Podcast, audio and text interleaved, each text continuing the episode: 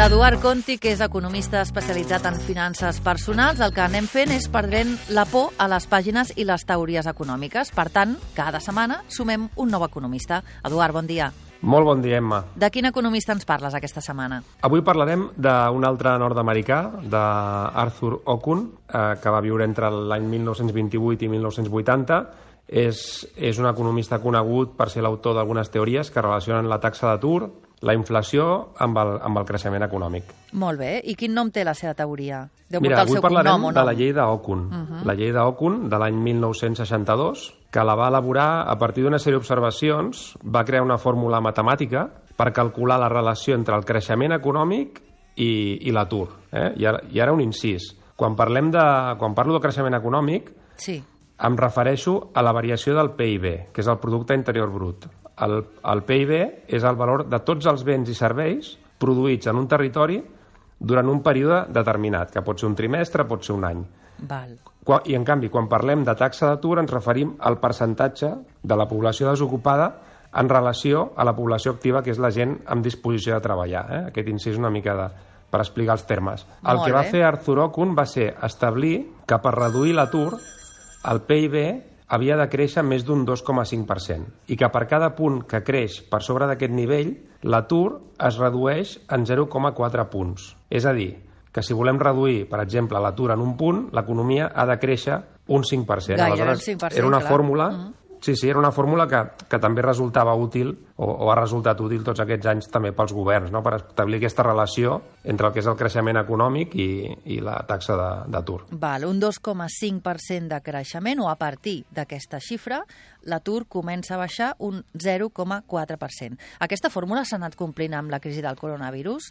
Eduard, ho has pogut anar veient, això? Mira, si, si agafem les dades així més recents del PIB, per exemple, de, espanyol, eh? entre setembre del, del 2019 Sí. i setembre del 2020, Un eh? en aquests últims 12 mesos, el PIB va caure un 8,7%.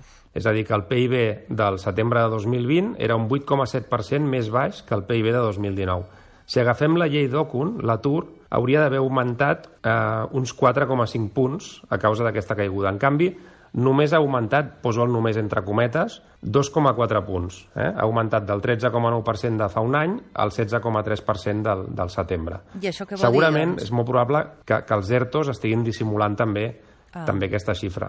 Aleshores vol dir que, no sé, eh, si es compleix en general o potser no sempre funciona com un rellotge, aquesta llei. Clar, o sigui, la, la fórmula d'Okun es pot dir que es compleix, però que no és precisa. Eh? Si mirem les dades des de 1962, es pot dir que el creixement econòmic genera llocs de treball, és incontestable, però cada país té unes característiques que fan que la llei d'Okun no sigui tan lineal ni es pugui aplicar amb la mateixa precisió a tot arreu. Els mercats laborals dels països són molt, molt heterogenis, molt variats. Per exemple, s'ha observat que a Espanya l'atur augmenta molt ràpid quan hi ha una crisi econòmica i també baixa més ràpid quan hi ha un creixement elevat. Però, en canvi, sempre es manté en nivells alts. O sigui, mm, fa molts anys que no baixa del 9%, per exemple, inclús en èpoques molt bones.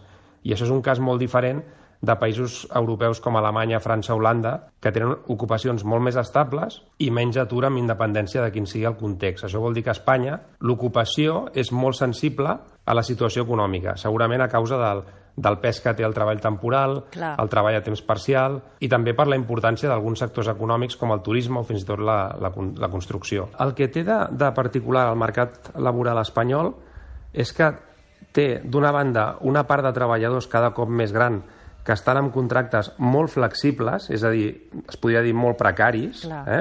precari. I després té una part de treballadors que cada cop va, va disminuint amb, amb ocupacions bastant rígides, podríem dir, no? també per la idiosincràsia del mercat laboral espanyol i d'algunes contractacions.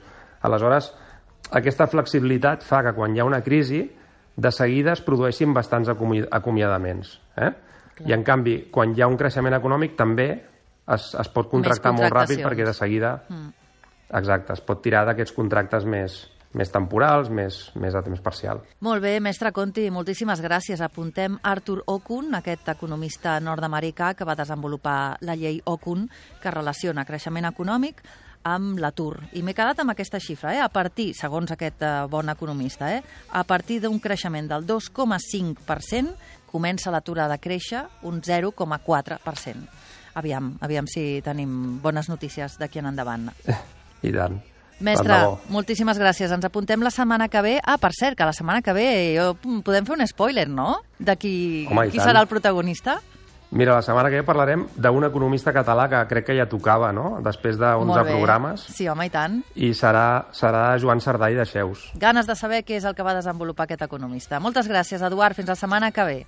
Fins la setmana que ve, que vagi bé. Serveis d'inclusió econòmica, formació empreses i coaching financer. Si en necessiteu d'aquests serveis, no ho dubteu. Contieconomia.com.